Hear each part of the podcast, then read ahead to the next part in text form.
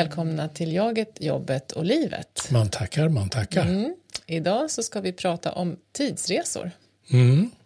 Och det kommer sig av att vi pratade om kommunikation förra gången med vår kollega på Sandal Partners Stockholm, Eva Birgersson. Mm.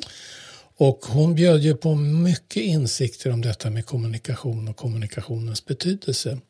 Men också detta att eh, det finns möjlighet att förändra sitt sätt att kommunicera när man tittar på det som eh, olika typer av beteenden. Men vad som också ligger väldigt nära våra beteenden och vårt sätt att kommunicera är ju faktiskt de tankar som pågår hela tiden också. Just det. Tankar med olika typer av innehåll, tolkningar vi gör som kan vara mer eller mindre rätt eller mer eller mindre fel. Missförstånd kan uppstå och så vidare. Så att eh, detta med tidsresa, det kommer sig av också att tankarna eh, kan förflytta sig. Precis. Och vi ska kika lite på hur det händer. För det, där har vi ju ett antal olika mönster som vi lätt hamnar i. Och man kan ju tänka sig, apropå kommunikation då, att, att tankemönster blir lätt kommunikationsmönster. Ja, Så att det kan, de hänger väldigt nära ihop.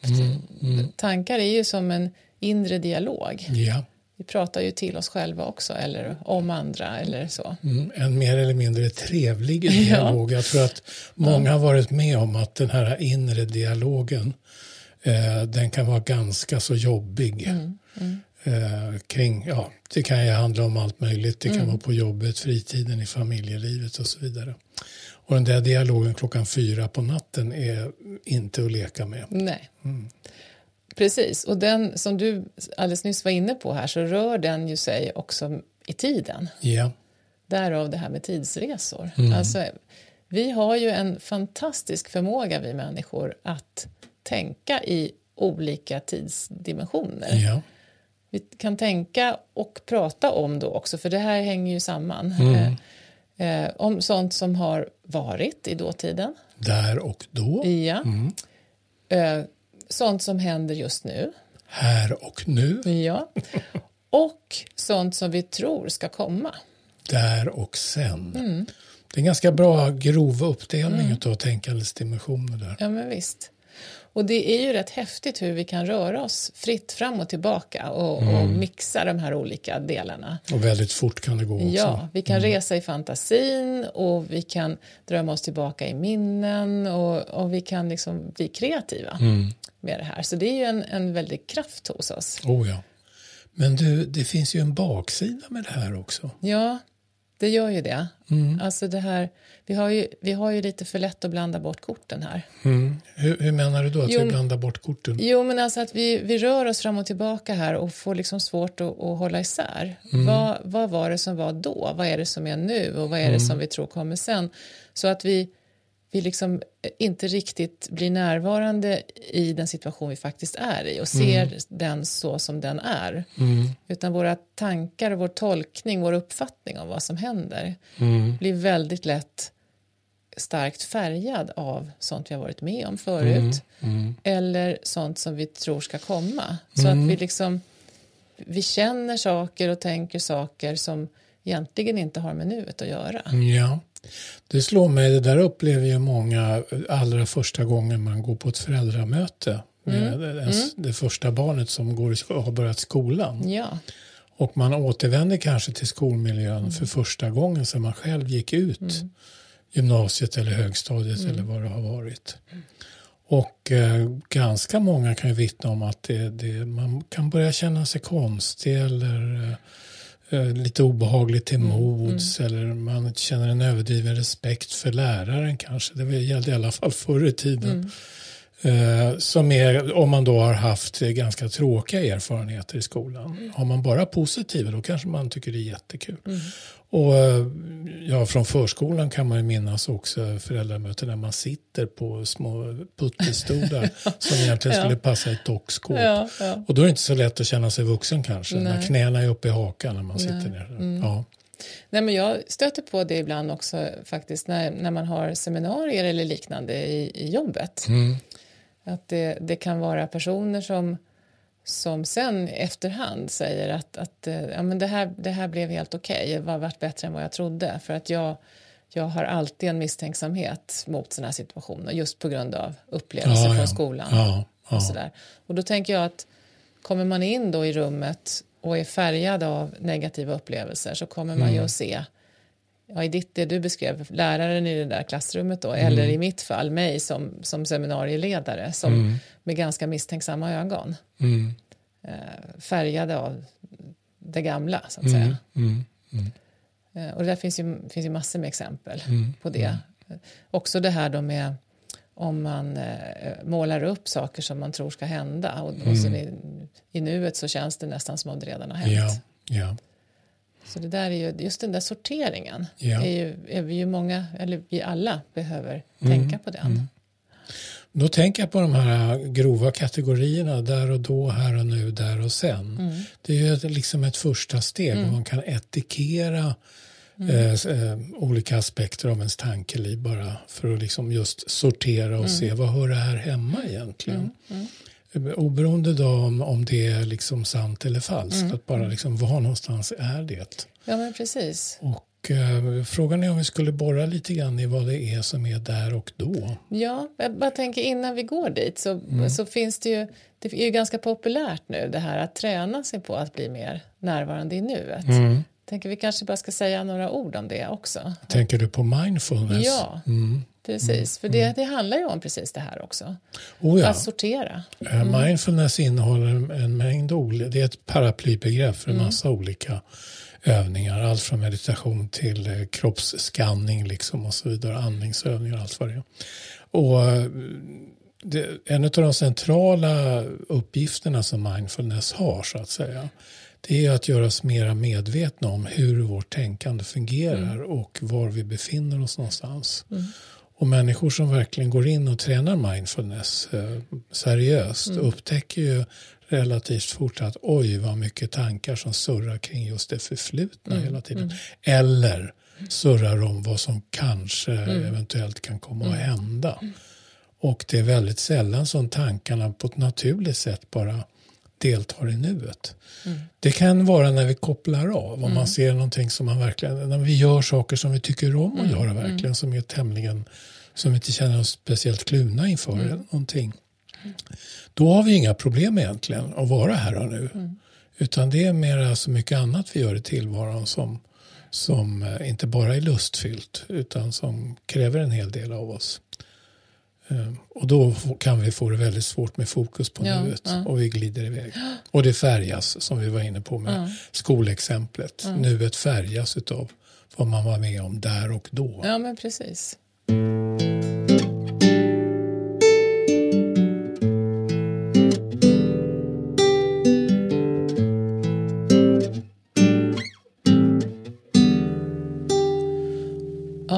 Ett exempel på när vi verkligen behöver den här närvaron det är ju när vi är i situationer som kräver eh, att vi behöver jobba med problemlösning av något slag eller vi ska fatta beslut.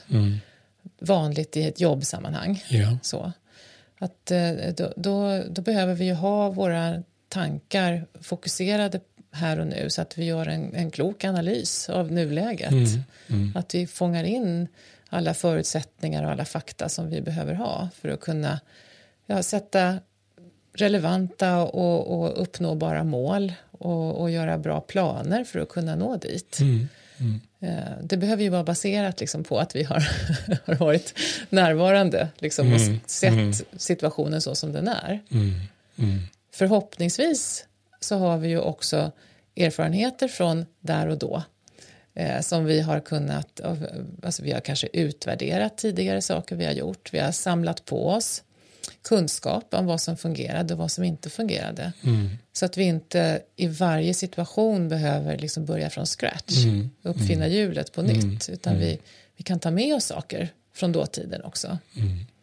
Eh, Men att liksom den där sorteringen, det är här och nu vi är. Vi kan titta bakåt och se vad har vi med oss.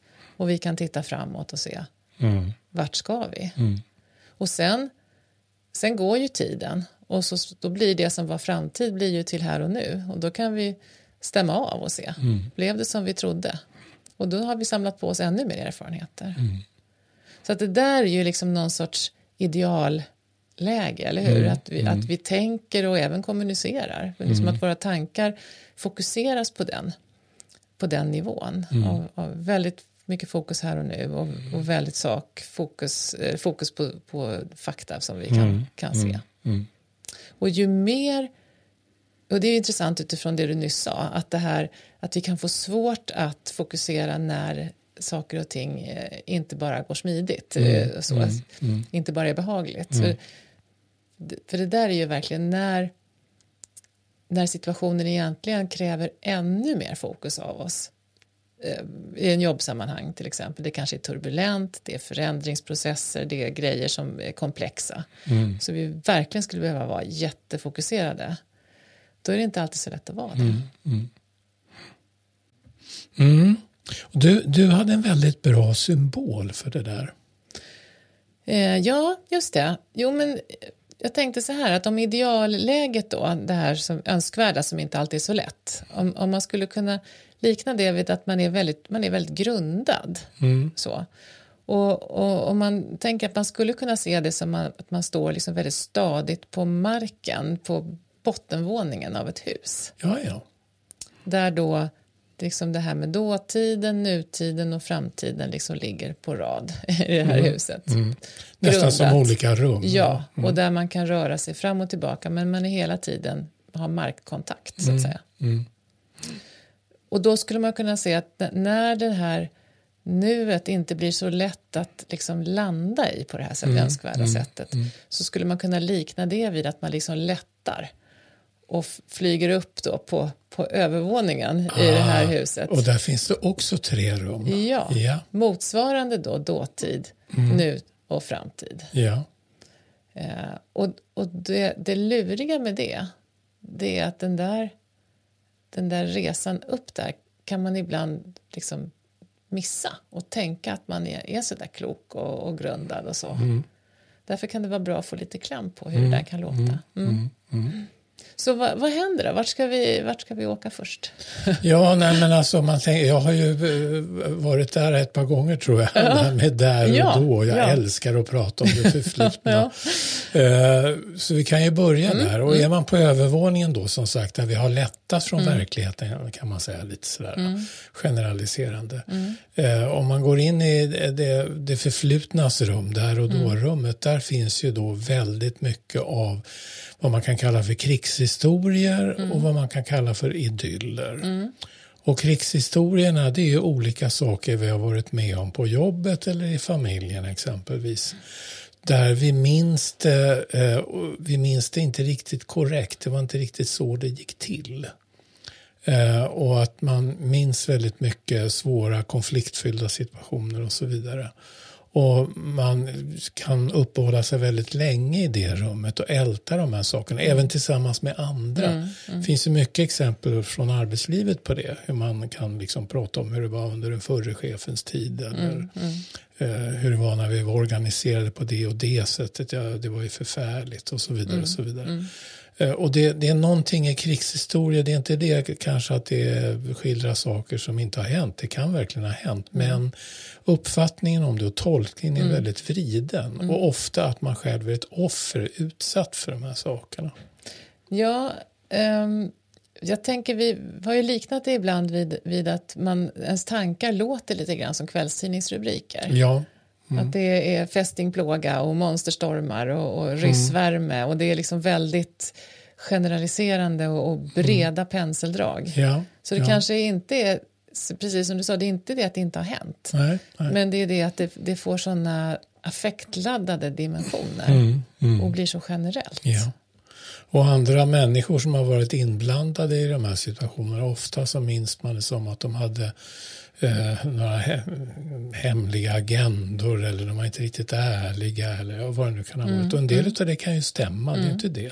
Men det, det är liksom ett tillstånd där det är väldigt osorterat.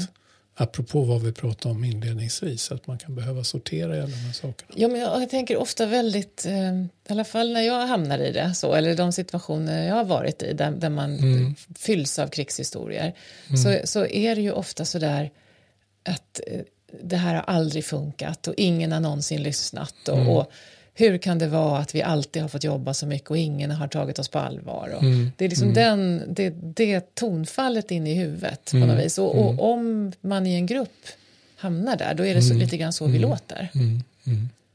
Inte så jättecharmigt. Men, men väldigt lätt att hamna i. Mm, mm. Ja, för väldigt många. Alltså, jag har mm. aldrig Nej. någon sån här krigshistoria. För mig är det förflutna en enda stor idyll. Ja, det är den andra varianten. Det är den andra sagt. varianten. Precis. Ja. Mm. Hur låter den då? Ja, det lät väl ungefär som jag sa. Stort självbedrägeri. Nej, eh, ja, hur det kan låta. Kan man ta exempel? Ja, men ens barndomssomrar. Mm. Som säkert kan ha mycket fakta i sig av att, att det var många gånger härligt och roligt och mm. alltihopa. Mm. Men man brukar ju skoja om det, i alla fall i min, min generation, då, att 50-talet var det solsken varenda dag på mm. sommaren. Mm. Och så vidare. Mm. Alltså att man idylliserar, man, man lägger liksom vackra färger mm. på en verklighet, en dåtid som inte bara var uh, underbar och fin. Och det var bättre förr, generellt. Ja, det var bättre ja, förr, ja, ja precis. Ja, på, och på den gamla chefens tid. Alltså ja. då trivdes folk, mm, mm. eller hur? Ja. ja. Jag kan sitta och titta på någon sån här gammal svensk långfilm från 50-talet med Gunnar Björnstrand och Sickan Karlsson. Liksom så Men snälla direktör Pettersson. Och så alla är så trevliga och mm, mm. artiga. och mm det måste ha varit fantastiskt fint att vara vuxen på den tiden. Jag var ju barn då så att mm, säga. Mm. Så jag märker att jag kan sitta och torska på det. Mm, mm. och få liksom, äh, men vänta nu liksom, vad, vad, så här var det ju inte mm. egentligen och så vidare. Mm. Nej, men det har en väldig dragkraft, just de där resonemangen, både krigshistorier och idyller, det här nostalgiska. Då. Eh, och då, då tänker jag, det som är lite faran med. Alltså det, kan ju vara, det kan ju vara härligt att drömma sig tillbaka till, till mm. liksom oh ja. dåtid. Och, och det kan ju vara lite smaskigt och, och, och liksom älta gammalt skräp också. Mm. Mm. Eh, och en del sammanhang liksom i livet där man befinner sig, till exempel en klassåterträff. Eller de som, ja, de som har gjort lumpen pratar om att man liksom träffas och, och samlas och repmånader och sånt mm. som har varit. Att mm då när man pratar med varandra så är det ju liksom, då är det det här som är grejen. Mm. Och det som är någons krigshistoria är någon annans idyll. Så ja, det, ja. vi kanske inte har så mycket mer att prata om. Mm. Mm. Så. Men om man tänker på i en jobbsituation, att, att, eh, så att säga, arbetsplatsmöten urartar, eller mm. fikarumsprat urartar till att man diskuterar på det här sättet. Mm. Då är det lite grann som kvicksand. Ja då luras vi, liksom, vi lurar oss själva. Mm, mm. Väldigt lätt har jag egen erfarenhet av, alltså att, att tro att man går till botten med saker och, och utreder och jobbar liksom med en klok analys och så. I själva verket så, så bara trampar man runt. Liksom. Mm. Så det, det, det, det, är liksom ett, en dragning i det här, det affektladdade som, mm. som kan vara bra att ha lite kläm på. Men, ja. ja, jag tänkte också det här, man blir inte klar med det. Nej. Alltså det är obearbetat. Mm, mm. Det, det mal runt. Det mal runt, ja. Och man riskerar ju om, man, om, man liksom, om det här tankemönstret blir ett kommunikationsmönster som mm. sen hörs mm. i en arbetsgrupp till exempel, då, då riskerar man ju också avfärdas som gnällig. Mm. För det förs fram på ett sätt som inte går att höra. För mm. Jag tänker, det är ju inte så att, att allting är tokigt i det här. Nej. Det kan ju verkligen finnas saker som inte har varit bra. Mm. Och det kan finnas sånt som var jättebra förr som vi har tappat på vägen. Ja. Men, men om man Liksom men börjar man tänka i de banorna, ja. då har man ju gått ner på undervåningen. Ja. Alltså, då är man där och tänker mer nyanserat. Precis, Så just det. För jag, jag, tänker att får man kon på det, att men vänta nu, vad är det vi pratar om egentligen? Det här att ingenting har någonsin fungerat. Vad har vi för exempel på det? Mm. Vad är det vi tänker på? Ett exempel på något som inte har fungerat på den här mm. arbetsplatsen. Mm. Uh, och, och, hur var det vi ville att det skulle vara och hur blev mm. det? Mm. Om man börjar mm. bena i det så, då, då liksom sjunker vi ju sakta ner till den här grundande nivån och har en möjlighet att göra, använda oss av informationen. Uh, och på samma, sak, på samma sätt då, om vi konkretiserar det här nostalgiska mm. idyllerna. Mm. Vad är det vi kanske har tappat? Ja. Mm. Och är det någonting som vi faktiskt skulle ha nytta av idag? Har vi något mm. exempel på vad det är vi tänker på? Mm. Nu sitter jag och blir nostalgisk. Nu tycker jag vi förflyttar oss till något annat. Om, annars tänker jag vara kvar i 50-talet resten av det här avsnittet. ja, jag ville bara säga en sak till där som jag tänkt på. Mm, för, för, det är mm. ju att när man gör den där översättningen från det mera det där svävande, generaliserande, färgade tankarna liksom, till något mera krast. Mm då kan man ju också se lite grann, det här som jag då tänker om dåtiden, är det användbart idag? Mm. En del grejer kommer ju att vara det. Man kan upptäcka att ja, jösses, det där kan vi ju faktiskt använda. Mm. Eller det mm. där, oj ja, det där ska vi gå till botten med liksom, på riktigt. Mm. Men ibland så upptäcker man ju också att det här vi drömde oss tillbaka till till exempel. Ett, ett exempel då som, vi, som var så himla bra på vår arbetsplats då för 20 år sedan det var ju att vi hade så jättebra skrivmaskiner. Mm. Tänk vad bra det fungerade med de där skrivmaskinerna. Mm. Det är ju bara det att idag så skulle de skrivmaskinerna inte vara särskilt användbara. Nej. För vi använder Nej. inte skrivmaskiner. Mm. mm. Så det finns ju en del sådana saker som liksom en hederlig gammal halta. Ja, där, mm. där tankarna liksom ligger kvar i, en mm. annan tid. Kring något som förvisso var bra då, men idag skulle inte det fungera. Jag såg någonting i det sociala flödet här, jag minns mm. inte exakt var någonstans, mm. där det var ett citat, det var en bild på Tage Danielsson. Mm. Och så ett citat från honom som mm. var just sådär äh, rappt, elakt, underfundigt. Mm. En kommentar om hans samtid. Mm. Och då var kommentaren av den som hade lagt upp det här mm. var att tänk Tage Danielsson, åh vad vi saknar dig, det skulle behövas någon som du idag och så vidare. Och jag liksom gled med lite grann mm. i det där märkte jag känslomässigt. Och sen kom jag på nu när vi sitter och pratar mm. om att mm. jo, absolut, det, det, det, där är ju det. Visst, det skulle behövas kanske någon av hans kaliber mm. eller Hasse och mm. Tage och så vidare. Och samtidigt så är det ju nutiden så att det finns ju skribenter och underhållare, mm. allt vad det är som mm. faktiskt är knivskarpa mm. och eh, hjälper oss att vakna upp och få lite perspektiv och distans till saker och ting. Så det var ett eh, sådana exempel på eh, lite grann en slags idyllisering liksom. Uh, och samtidigt då uh, att det färgar synen på nutid också. Ja, då, att, ja. att uh, man upplever någon frånvaro av någonting som faktiskt inte är frånvaro. Nej, det nej. finns där. Ja, ja, form av kritik, ja. kritiska röster och så vidare.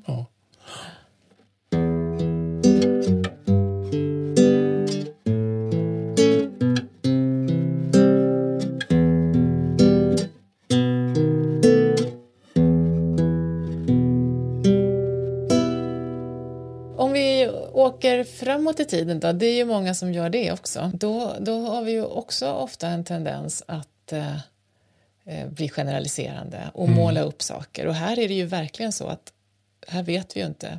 Det här blir ju mm. rena spekulationer. Men det känns inte alltid så. Mm. mm.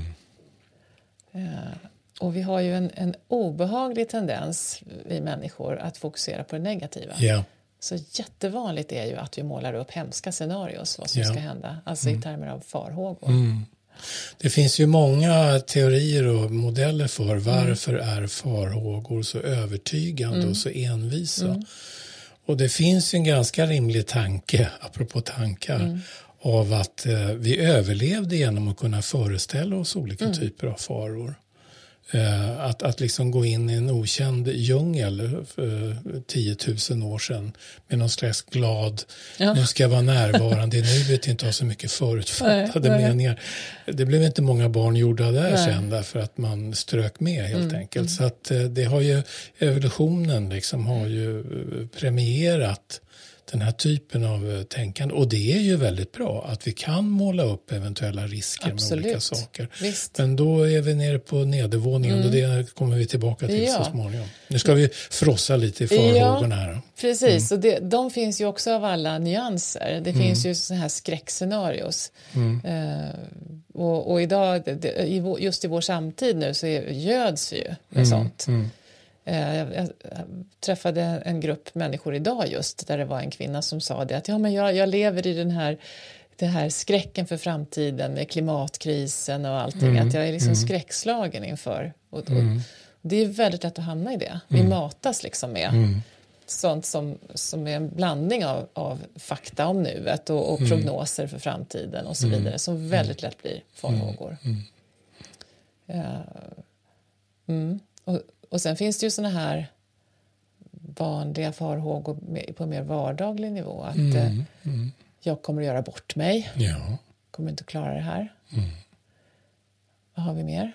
Ja, någonting som, som eh, jag kan identifiera mig med och som också är så där att delvis handlar om att jobba med det och samtidigt lära sig leva med det. det är, man kan ha farhågor kring sina barn. Mm. Eh, oroa sig mm. och när man själv är bortrest mm. eller tvärtom. Mm. Eh, det kan jag minnas med våra ungar just mm. som första resan och de drog iväg själva och så vidare. Mm. Att, att eh, Ehm, jag kanske mer mm. har en tendens liksom mm. till, till ganska starka obehagliga mm. farhågor och olika katastrofscenarier mm. så att säga. Men jag har även sett intervjuer med du vet skådisen Sean Penn som är, mm. de frågar honom vad är du som har det så bra, har mm. du några problem? Mm. Ungefär rik och berömd och allt. Jag säger, ja men varje dag så oroar jag mig för mm. barnen. Jag har en nioåring och en elvaåring hemma. Mm. Så jag ringer hem från inspelningsplatserna hela tiden, inte, mm. inte en gång i timmen men en gång om dagen för att höra.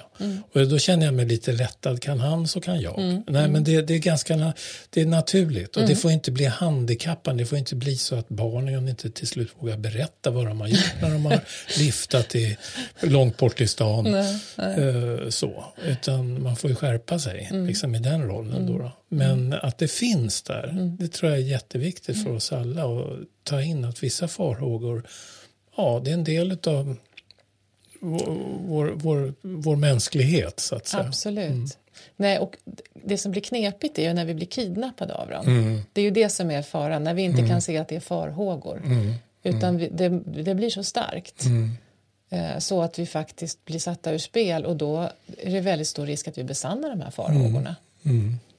Alltså en vanlig grej i arbetslivet det är ju att olika förändringsinsatser, utvecklingsprojekt och annat sånt har man varit med om några gånger mm. och man har en erfarenhet det är inte någon krigshistoria utan man har mm. en erfarenhet av att ja. saker rinner ut i sanden. Ja.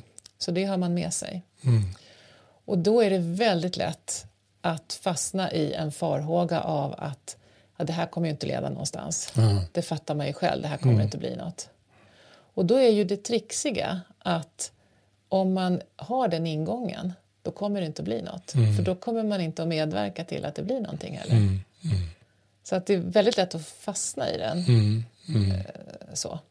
Och, och, hur det då, eh, för att återknyta eh, till kommunikationen. Mm. På vilket sätt kommunicerar jag på mm. arbetsplatsen mm. med min omgivning? Mm.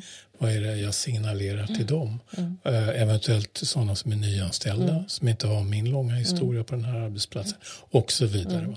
Så att det följer med ett ansvar där i yrkesrollen att, att hålla farhågorna och ens tolkningar så att säga mm. i schack lite grann.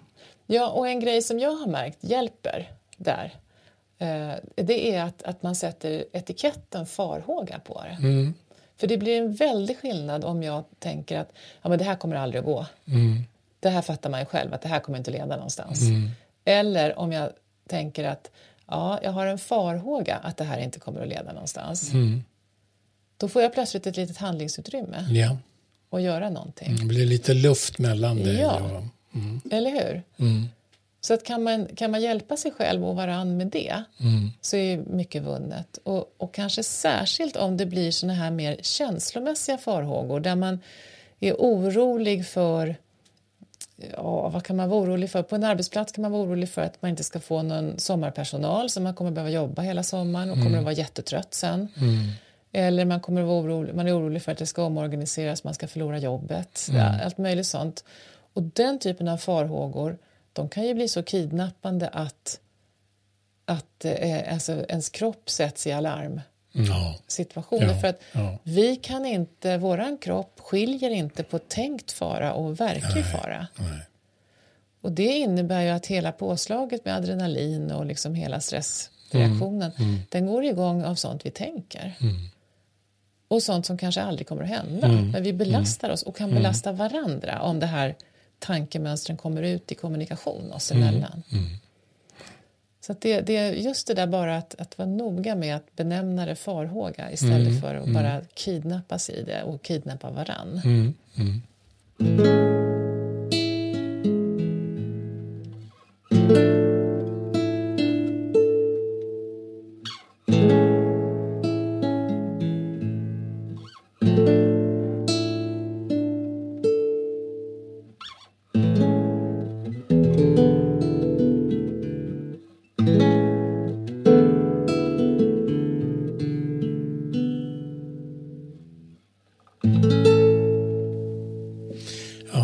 Pratat om där och då och där och sen. Mm. Men även på den här övervåningen så finns det faktiskt ett här och nu. Aha.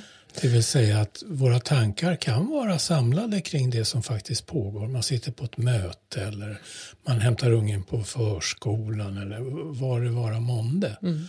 Och man är ordentligt fokuserad på nuet. Men det är fortfarande så att man inte riktigt har kontakt.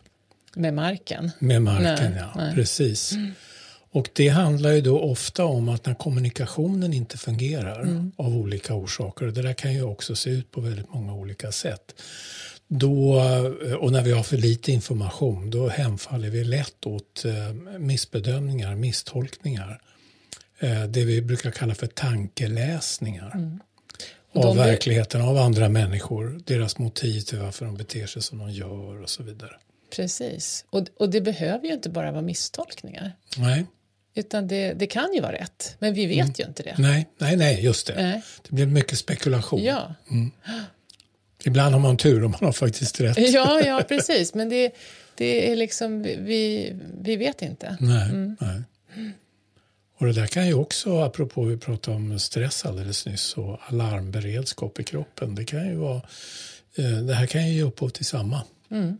Så att, um... Visst. Nej, men jag tänker ett, ett typiskt exempel på det är ju eh, alltså att vi tolkar andras minspel och, mm. och kroppsspråk och, och, så. Och det är ju i och för sig del i, i vår kommunikation, mm. att, att, vi gör mm. det. Mm. Men, men har vi som sagt inte information, om den här personen inte pratar med oss och berättar hur ja. den känner sig eller vad den har på hjärtat mm. så, eh, så tenderar vi att fylla i utifrån ja. det vi läser av. Mm. Eller om vi inte uppfattar att informationen vi får verbalt stämmer ja. med det vi uppfattar. Mm. Det slår mig nu, apropå det här man tager vad man haver, mm, om, mm. om det är en diffus roll man har på mm, jobbet så mm. formar man det så gott man kan. Mm. Det är lite grann en parallell i det här då, att om man inte hör någonting i ord, mm.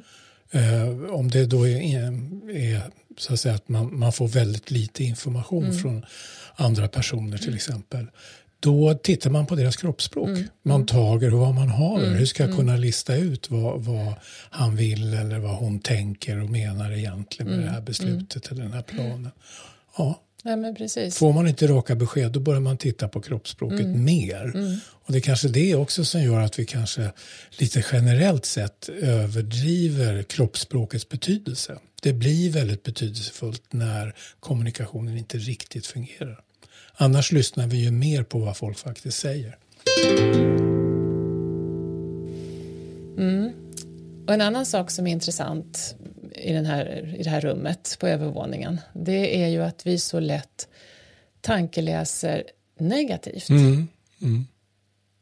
Eh, det är mer sällan som vi spekulerar om att någon säkert har positiva avsikter eller att en, en viss eh, process på jobbet som ska sättas igång säkert kommer att innebära något positivt. Mm, mm. Spekulationerna går oftare i negativ riktning. Mm. Uh, och, och, om man tittar på hur liksom ganska fåniga konflikter som kan eskalera till något rätt allvarligt uppstår så, så är det inte så sällan som det börjar med något sånt här. Så att man mm. har mm. tankeläst varandra i negativ mm. mening.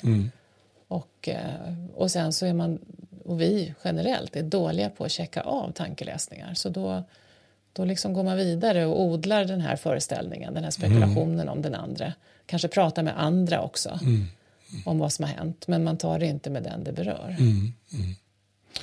Det där det är ju på något vis också besläktat med farhågor. Alltså mm. just det här hur en osäker framtid sätter igång den här urgamla reflexen mm. att slåss mm. eller fly. Mm.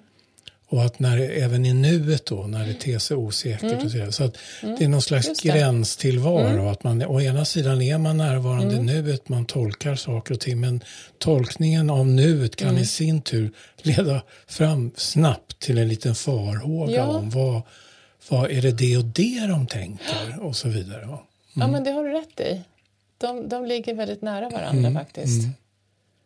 Jag var på en arbetsplats en gång där eh, det skulle omorganiseras och det var det klar kommunikation kring delvis.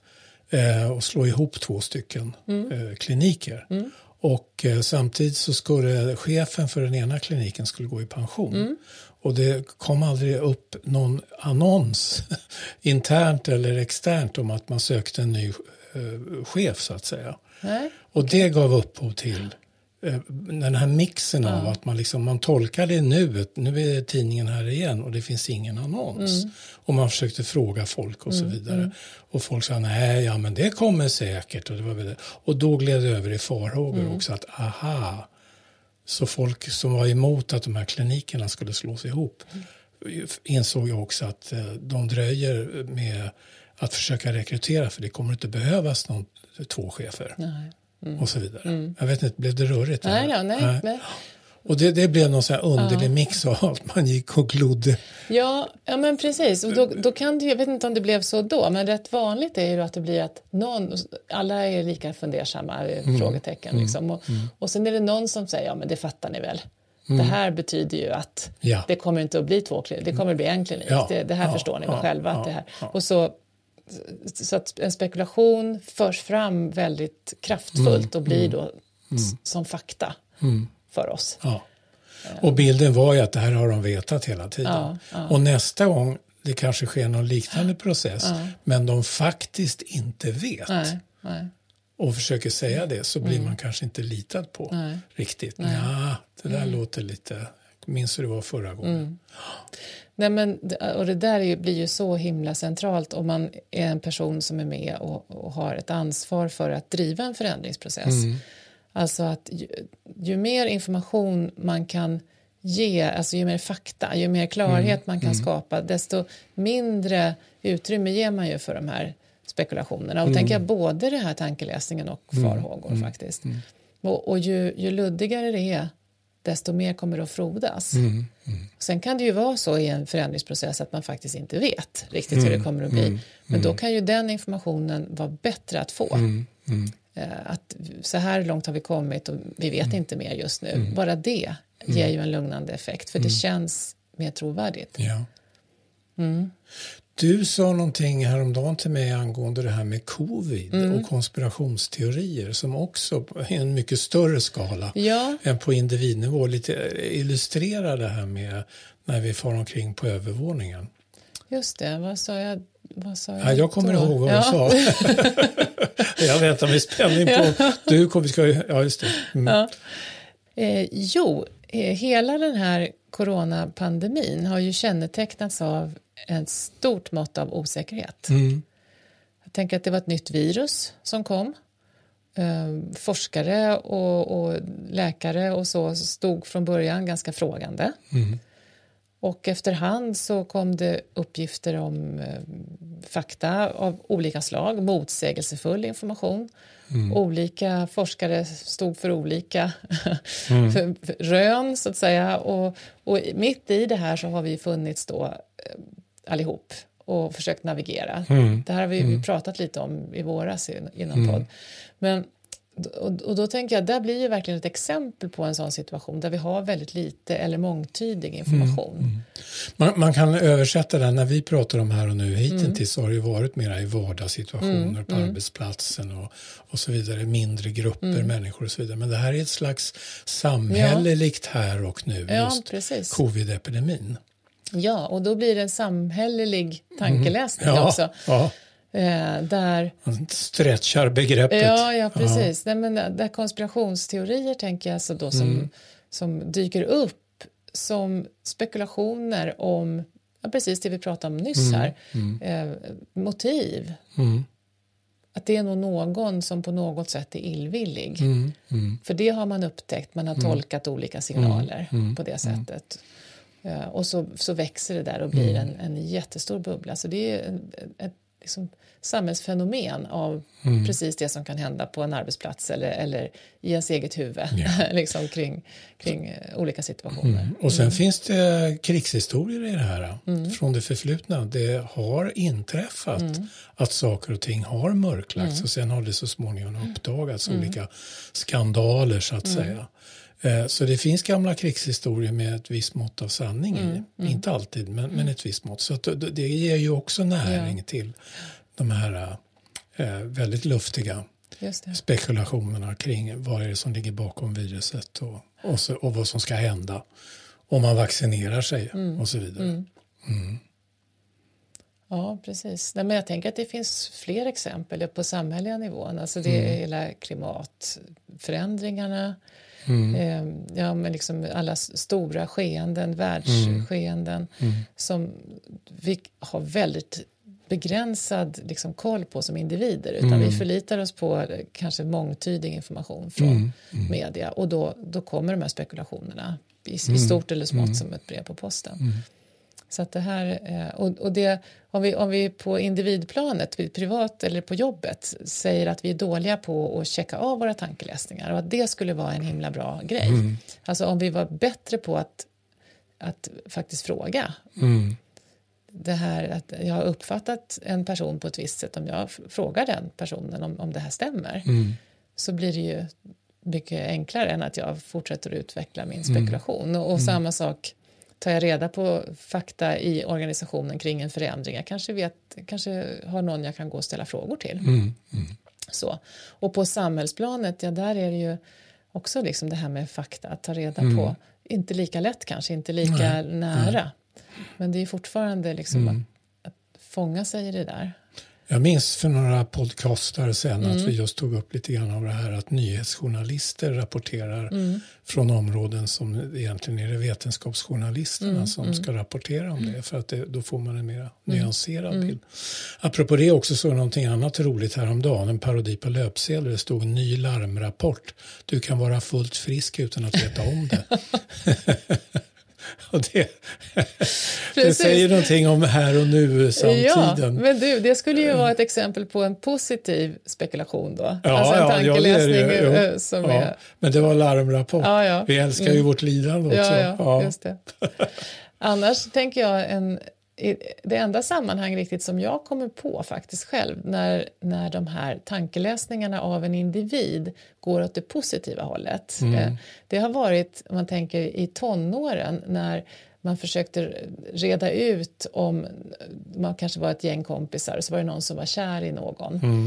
Och då så analyserade vi alla den här andres beteenden då, och ofta med okej. positiv tankeläsning. Att han, ja, men han gick ju här, han kom ju jättenära här nu. Det måste ju ändå betyda Ja, ja. någonting positivt, att han säkert kollade in dig och så.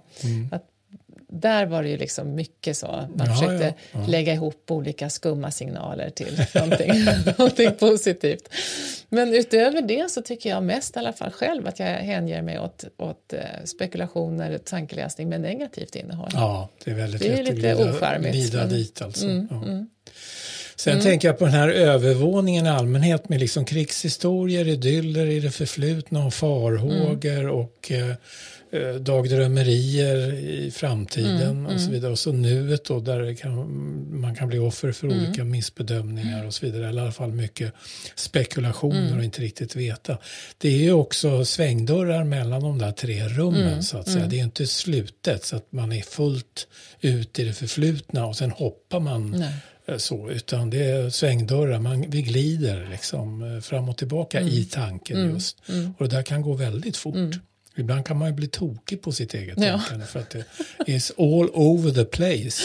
Eh, och sen så har man någonting mitt framför ögonen som man behöver Ja. fokusera Ja, på. men. Men det kanske är så fruktansvärt tråkigt så man ja, gärna glider bakåt eller framåt. Liksom. Ja, ja, precis. Eller knepigt eller utmanande eller något. Men i alla fall, man undviker det på något vis. Mm. Har vi pratat om dagdrömmerierna? Var precis vad jag satt och tänkte här. Jag tror Ja. vi, vi hoppade faktiskt över det. Ja, men då går vi rakt på dem. Ja.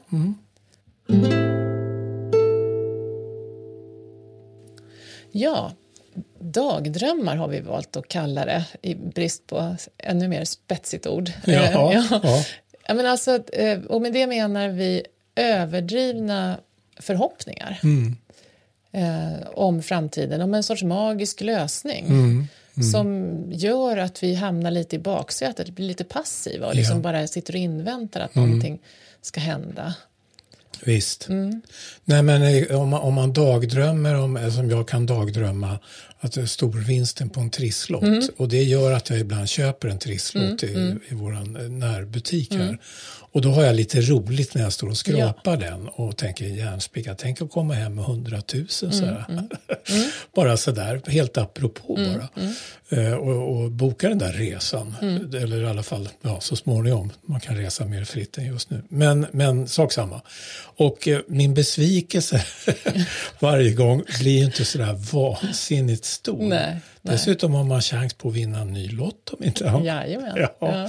Nej, men det är så här vardagsdagdrömmeri, ja. det är inget konstigt Nej. i det. Det, ju, det, måste man ju få unna sig. Utan det är väl mer när dagdrömmarna börjar ta så. Jag menar det är en sak att spela liksom en trisslott. Mm. Det är en annan sak att halvt ruinera sig mm. för att man spelar på en massa annat.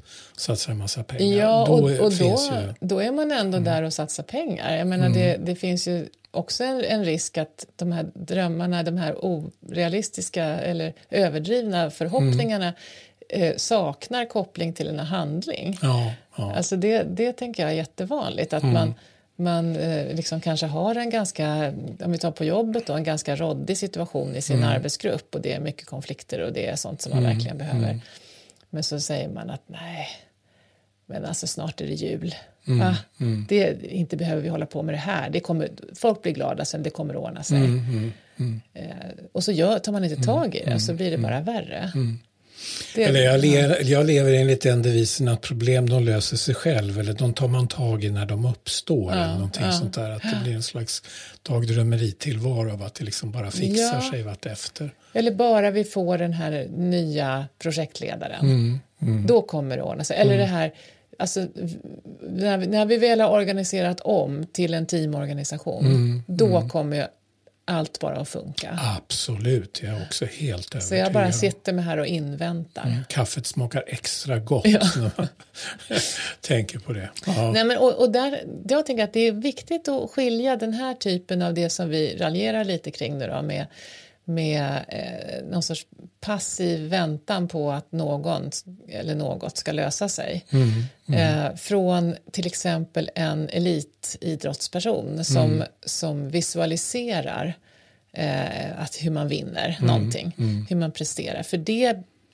är ju snarare någonting som då i, i, i vår bild här hamnar på nedervåningen i form mm. av målbild för mm. att det är så nära kopplat till en strategi med träning och liksom mm. mm. stegvis hur man bygger upp till det här. Mm. Där, där det här visionen av var man kommer att landa driver en till mm. någonting. Det här när vi liksom flyter upp på den här övervåningen i, i de här dagdrömmarna då, är det, då är det mer något som gör oss lite passiva. Någon annan fixar det. Ja, jag sitter och funderar på hur vi ska knyta ihop säcken på allt det här. Eh, ja. Jag skulle vilja, egentligen vilja gå tillbaka ner till undervåningen också ja, men... och kolla om vi verkligen Precis. har. För där har vi ju, vad ska vi säga, där och då på undervåningen. Mm. Det är ju livserfarenheter man har gjort i det förflutna. Det är fakta faktiskt. Ja, mer man... konkreta, specifika eh, fakta. Ja, mm. ja. Mm. Och eh, om vi ser framåt på där och sen mm. så är det ju mycket mer av att man faktiskt har lagt upp vettiga planer mm. och, mm. och eh, de tankar Mål. som handlar om framtiden mm. är mer realistiska och, och eh, många, ja, kopplade till ja. faktiskt också bygger på de mm. erfarenheter mm. man har gjort och, och vissa fakta. Då, då. Men för att, alltså krasst är det ju så att den där rutan om framtiden, fakta om framtiden, den skramlar ju väldigt, väldigt tom. Ja, det alltså gör det, det, Så det här vi pratar om nu med ja. planer och mål och allt mm, sånt där, mm. det är ju sånt vi håller på med, som, det blir ju nästan fakta. Mm. Och, och, ju mer knutna de är till en klok analys av nuläget och mm, så, desto mm. stadigare står vi ju liksom i mm, relation till dem. Men, men vi är ju utlämnade till att leva på tröskeln till det okända. Ja, oh ja. Och jag tror det är också, det också en aspekt varför det här med farhågor ligger så nära oss. Ja, vi, ja. vi liksom, det, det, skramlar eh, lätt lite tomt där. Mm, där. Mm. Och, och, och, det är också därför, tänker jag, som allt sånt här arbete vi har pratat om tidigare här, att hur viktigt det är för oss med tydliga mål och roller och så på jobbet. Att, att det, när, när det är på plats, då blir vi lite tryggare också mm, i relation till mm, den rutan. Mm, Ja, det handlar ju delvis i alla fall om att göra framtiden så förutsägbar Mm, ja. som möjligt. Det. Och eh, ett exempel på hur tokigt det skulle kunna vara om vi inte gjorde det. Mm.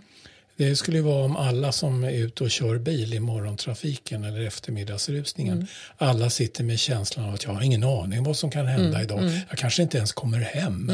Jag menar, Mm. det skulle ju inträffa en massa krockar och grejer för folk Ja, är så spända och nervösa. Precis. Och existentiellt. Nej, men det är ju en jätte, ett jättebra exempel på det här Mm. hur, man, hur man genom att bli kidnappad av farhågor kan bete sig så att de besannas. Mm. Ja, ja, ja. Eller hur? Man satt helt ur spel, där klarar inte av att köra.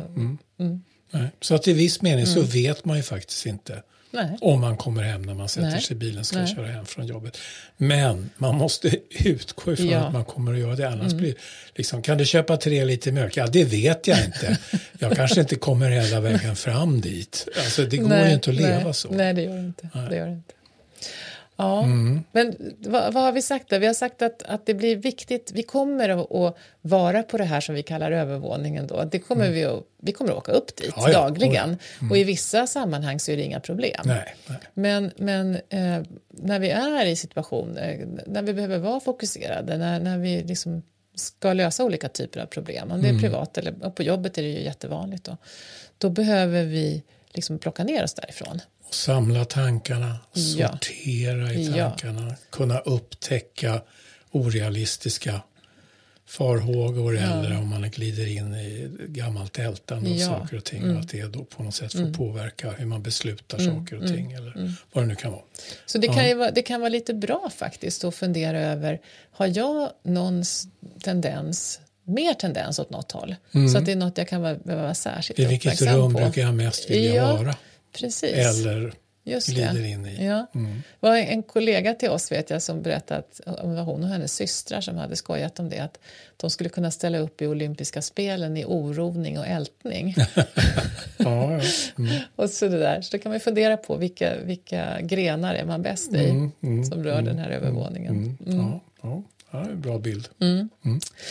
Ja, men sen tänkte jag på en, en annan grej och det är ju att eh, det är mycket, jag tycker det är användbart att sortera sakerna på det här sättet. Alltså, för det finns ju andra saker, ganska allvarliga saker i, i våra liv då som, som handlar om det här med tidsresor. Ja. Eh, och där man, det här med sortering blir superviktigt. Mm. Jag tänker då på, på det här med trauman ja. Och ja, posttraumatisk stress, Mm. Är grannar med varandra. ja. Att säga, men ett sätt att se på det är ju att, att man har svårt att sortera mellan dåtid och nutid helt enkelt. Saker som vi var med om en gång i tiden Mm. Ja. hemsöker oss. ja. Sorgupplevelser. Visst. Saker man själv har gjort mot sig själv eller Mm. Just mot det. Mm, andra som ploppar upp ibland. Eh, tufft att hantera. Mm. Men måste hanteras. Och får inte liksom påverka en i ne- negativ riktning eller i Nej. alltför negativ grad i hur man agerar. Precis, så jag tänker att, att psykoterapi till de här allvarligare tillstånden handlar Mm. ju mycket om det. Alltså att inte att ta bort det, det kommer man aldrig kunna göra, men att hitta ett sätt att förhålla sig Mm. till Ja. sina minnen. Lära sig leva med de mera allvarliga Mm. misstag man, man har begått i livet. För då är man på något sätt på undervåningen. Alltså då, då är man Ja. nära det här med att man bygger en livserfarenhet. Just det. Och, och att den bygger i sin tur på vissa saker som faktiskt hände. Mm. Och att man kan göra den här sorteringen så att man inte översköljs Mm. av saker från det förflutna. Mm. Mm. Ja, så. Det är väl en del av mera djupgående psykoterapi. man kan tänka sig att man är i rummet med krigshistorier Mm, och terapin hjälper en att gå ner till det här rummet som ligger rakt under där det är mycket Mm. Det. faktabaserat och mera nyanserat. Ja. Och, Alltså, och, och det blir ju, ja, ja men visst, att man inte går runt, runt, runt och ältar oförrätter. Mm. ja, Utan att man kan förhålla sig till sånt som var fel. Kanske Mm. dåliga saker som hände en, men att det inte kommer att ta upp all ens energi Mm. framöver. Ja. Nej, men så det, det här är- rör ju verkligen allt ifrån det lite mer lättsamma till det allra djupaste i oss. Mm. Och det har med, med våra minnen att göra. ja. Och eh, det leder oss osökt över till eh, nästa poddavsnitt. Ja. Och då ska vi prata med Anna Dervinger Hallberg. Och hon är psykolog. Ja, Ja, och har tidigare forskat om vårt minne ja. Och skrivit en bok om det också. Mm. Och sen så är hon nu eh, högaktuell med en ny bok som handlar om förlåtelse. Ja, Som förstås också på olika sätt är kopplat till hur vi minns saker och ting. ja. och hur vi förhåller oss till det. Ja. Och Så det- detta med att förlåta andra och förlåta sig själv Ja, och kunna klara av kanske också att ta emot förlåtelse Mm. från andra. Så det där är ett stort, Jättespännande. mycket psykologiskt och mycket existentiellt tema får Mm, man lov att säga. Ja. ja, det ska bli jättespännande. Mm. Så tills dess, Ja, ja, ha det så bra. Tack för att ni lyssnade. vi hörs. Ja, hej då. Hej då.